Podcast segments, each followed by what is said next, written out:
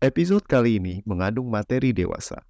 Untuk kalian yang belum cukup umur atau sensitif dengan hal-hal tersebut, harap dengerin episode yang lain ya.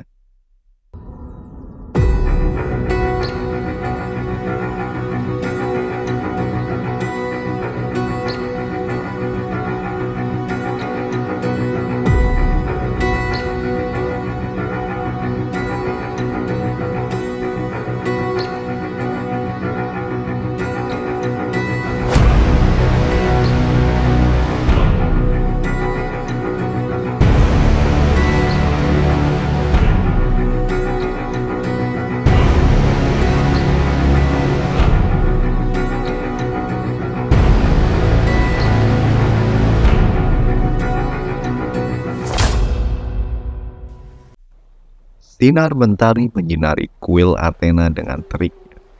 Hembusan angin berbisik, membelai pepohonan rindang. Siang itu, Raja Glaucus berjalan bersama rombongannya menuju altar Sang Dewi Perang. Raut wajahnya serius. Sang Raja tampak khawatir, namun tampak dirinya berusaha untuk menguatkan diri, berusaha untuk tetap tenang. Glaucus punya alasan untuk keberadaannya di kuil Athena siang itu. Pilos, kerajaan tetangga yang telah lama berselisih dengan Korintus, telah menggerakkan pasukannya dan bersiap menyerang. Raja Pilos telah melanggar gencatan senjata di antara Korintus dan Pilos, berusaha memanfaatkan kelemahan Korintus yang kala itu sedang dilanda kekeringan dan wabah kelaparan.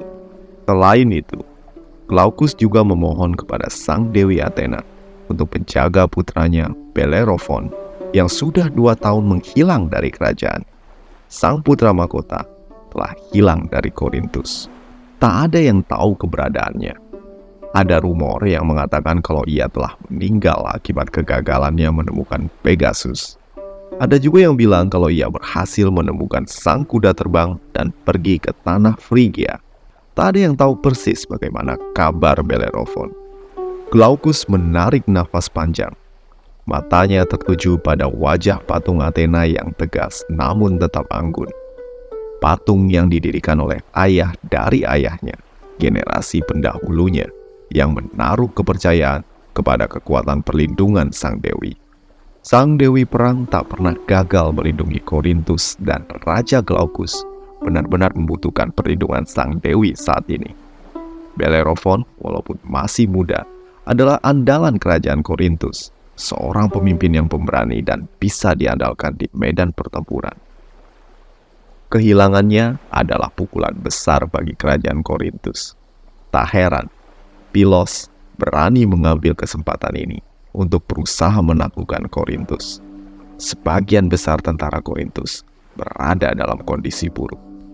Wabah kekeringan telah membuat kekuatan pasukan yang disegani oleh kerajaan-kerajaan di Yunani ini melemah. Banyak dari mereka yang menderita penyakit dan kekurangan gizi. Namun ketika tugas bela negara memanggil, mereka tetap berkumpul dan berbaris menuju perbatasan. Deliades, adik tiri Bellerophon yang kurang berpengalaman namun gagah berani, dengan tabah memimpin pasukan ala kadarnya menghadapi pasukan penyerang dari Pilos. Rombongan pasukan Korintus berbaris melangkah dengan gontai ke perbatasan. Namun, tak perlu jauh beranjak dari ibu kota. Gaung peperangan telah terdengar. Ribuan pengungsi dari daerah perbatasan bergerombol bergerak ke ibu kota. Rombongan orang-orang tua, wanita, dan anak-anak mereka yang hanyalah korban dari hasrat berkuasa para raja, berpindah dari tanah kelahiran mereka dengan hanya pakaian melekat di tubuh mereka. Deliades mengamati para pengungsi dengan mata yang sayu. Ia menyadari kalau ia kalah, ia mungkin akan menjadi seperti mereka. Dalam peperangan, yang kalah akan menjadi budak Deliades membawa pasukannya ke daerah pinggiran dekat dengan perbatasan. Dan di sinilah mereka bertemu dengan pasukan perintis Pilos yang sibuk menjarah rumah-rumah yang ditinggalkan para penduduk. Sang pangeran yang berdarah muda menyerbu para prajurit Pilos yang terkejut melihat pasukan Korintus tiba-tiba datang menyerang. Deliades berhasil mengusir para prajurit Pilos dan menewaskan beberapa dari mereka. Keberhasilannya membuat Deliades percaya diri dan menginspirasi pasukan Korintus yang dengan bergegas mengikuti Deliades untuk mengejar prajurit-prajurit Pilos yang melarikan diri. Mereka seolah lupa akan kondisi mereka yang payah dan dengan penuh semangat mengejar. Namun tindakan pemberani Deliades ternyata gegabah. Prajurit-prajurit Pilos yang melarikan diri ternyata membawa rombongan pengejarnya ke dalam perangkap. Mereka memancing pasukan Deliades ke celah sempit di pegunungan. Deliades yang tak berpengalaman terus mengejar, mengira mereka telah berhasil memukul mundur pasukan musuh. Namun tak menyadari, di kiri dan kanan mereka tersembunyi pasukan Pilos yang bersiap menyergap. Dan tiba-tiba terdengar suara sangkakala dan dari kiri dan kanan pasukan Deliades keluar pasukan Pilos yang langsung menerjang. Deliades terkejut, berhenti. Keringat dingin mengucur dari dahinya. Ia sadar kini kalau ia telah menelan umpan pasukan Pilos bulat-bulat. Teriakan para pasukan Pilos membahana seiring dengan terjangan mereka dari semua lini. Pasukan Korintus terperangkap. Deliades terlihat panik namun tidak kehilangan nyalinya. Sang pangeran Korintus turun dari kudanya untuk menghindari sasaran musuh. Perintah untuk bertahan terus menyemangati pasukannya. Namun jumlah dan pasukan Korintus jauh dari pasukan penyergap Pilos yang kualitas dan staminanya jauh lebih kuat. Sedikit demi sedikit, pasukan Korintus semakin terdorong dan terjepit oleh pasukan Pilos yang menyergap Raja Pilos yang memimpin langsung penyerangan ini mengelus-ngelus bewoknya sambil tersenyum, tanda puas akan situasi medan pertempuran. Deliades terus membakar semangat bertahan pasukannya, walau dalam hati ia tahu kalau hanya keajaiban yang akan menyelamatkannya. Dan seolah menjawab doa sang pangeran yang terdesak, tiba-tiba terdengar suara lenguhan kuda dari atas bukit seekor kuda dengan sayap terbang melayang dengan matahari di belakangnya. Di punggung sang kuda, seorang pemuda gagah dengan pedang terhunus berkilatan.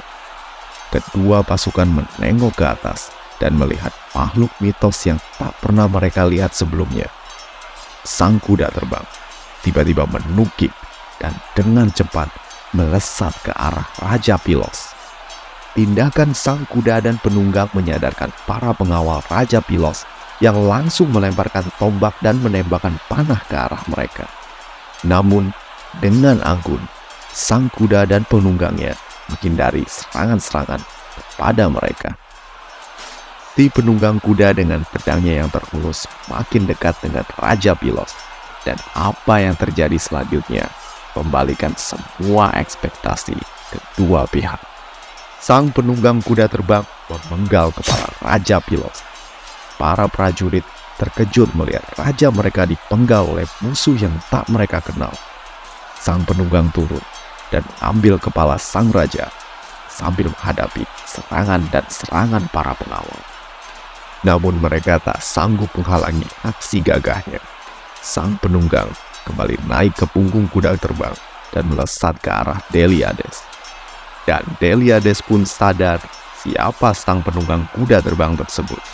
Ia adalah kakak tirinya, Bellerophon, yang telah menghilang selama dua tahun. Woi, Dek, tunggu apa lagi? Terang! Seolah tersadar dari mimpi buruk, Deliades memimpin para pasukannya untuk menyerbu keluar dari kepungan. Pasukan Pilos yang kehilangan rajanya bagaikan rombongan anak ayam kehilangan induk, dan mereka kocar-kacir digempur oleh pasukan Korintus.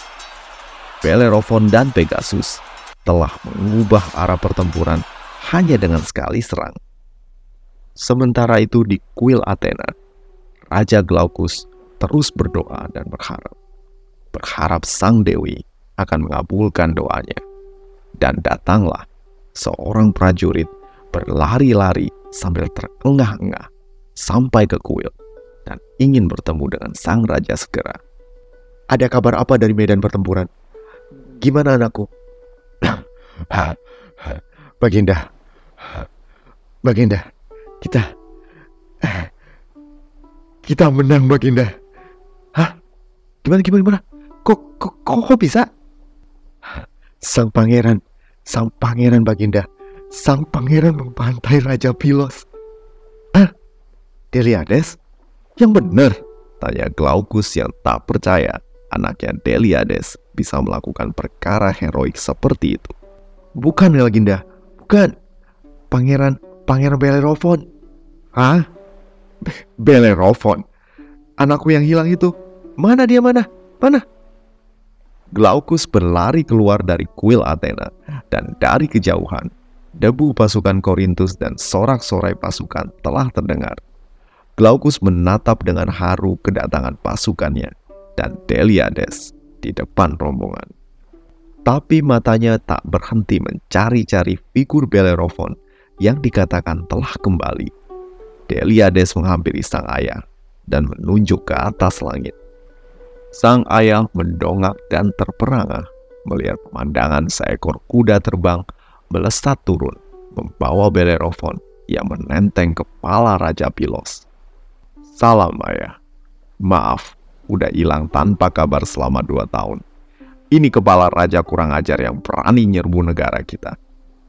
Glaucus tak mempedulikan kepala Raja Pilos dan dengan penuh kehangatan memeluk Bellerophon putranya yang hilang selama dua tahun. Seiring dengan kembalinya Bellerophon, hujan pun turun mengakhiri kekeringan yang melanda Korintus. Sungguh, kedatangan Bellerophon adalah berkat bagi Korintus. Sejak kedatangan Bellerophon, Korintus menjadi kuat dan disegani oleh lawan-lawannya. Bellerophon sering dikirim untuk mempertahankan Korintus dan juga memadamkan pemberontakan. Tak ada yang bisa bertahan melawan pahlawan gagah dengan tunggangan kuda terbang. Mungkin seperti punya jet tempur, dikala musuh hanya bertempur dengan tombak dan perisai. Bellerophon menjadi andalan Korintus, dan hal ini menimbulkan iri hati Deliades yang merasa telah tersingkir dari posisi putra mahkota cadangan setelah tentu saja Bellerophon kembali. Deliades merajuk dan sering mabok-mabokan, mengabaikan tugasnya. Glaucus tidak mempedulikan Deliades yang dianggapnya lagi ngambek aja. Bellerophon adalah andalannya sekarang, dan untuk mengokohkan posisinya sebagai penerus kerajaan, Glaucus ingin menikahkan Bellerophon dengan anak Raja Trozen yang bernama Aetra. Aetra terkenal cantik cerdas, dan ayahnya Piteus adalah raja tercerdas di seluruh Yunani. Menikahkan Bellerophon dengan Aetra akan menguatkan posisi Korintus di seluruh Yunani. Lamaran pun disampaikan dan lampu hijau pun diberikan. Bellerophon resmi bertunangan dengan Aetra. Untuk merayakan pertunangan ini, Bellerophon mengajak ayah dan adiknya Deliades untuk berburu. Rombongan kerajaan pun pergi ke hutan untuk berburu babi hutan seperti kebiasaan para bangsawan saat itu. Berburu babi hutan bukanlah perkara mudah, butuh keahlian dan kesabaran untuk menangkap makhluk berbulu tebal dan gesit tersebut. Seringkali para pemburu harus berpencar untuk mencari jejak sang babi hutan sebelum memojokkannya dan menombaknya. Bellerophon, Glaucus, dan Deliades berpencar dengan rombongan mereka masing-masing Bellerophon berusaha mencari jalan ke daerah hutan yang lebih rimbun untuk mencari jejak sang babi hutan. Berburu adalah hal yang biasa untuk Bellerophon, yang selama dua tahun belakangan menghabiskan waktunya di Gunung Pelion belajar pada sang sentor cerdas Chiron. Tak butuh lama bagi Bellerophon untuk menemukan jejak sang babi hutan dan ia pun berhasil menemukannya. Bellerophon melemparkan tombaknya namun sang babi hanya tergores terluka dan berhasil lari dari kejaran Bellerophon. Pahlawan kita terus mengejar, namun kehilangan jejaknya di tengah kerimbunan hutan. Dan ketika berjalan mencari sang mangsa, Bellerophon mendengar suara erangan perlahan dari balik semak-semak. Bellerophon mendekati dengan tombaknya, yakin kalau suara tersebut berasal dari babi hutan yang terluka. Suara erangan tersebut semakin keras dan Bellerophon pun kemudian melemparkan tombaknya. Zep, tepat sasaran. Tapi suara yang dikiranya suara babi tersebut ternyata bukanlah suara babi, melainkan suara manusia. Bellerophon mendekati buruannya dan menemukan sosok adiknya Deliades tertancap tombak di dadanya. Dan yang makin bikin miris, Deliades ternyata sedang buang air besar.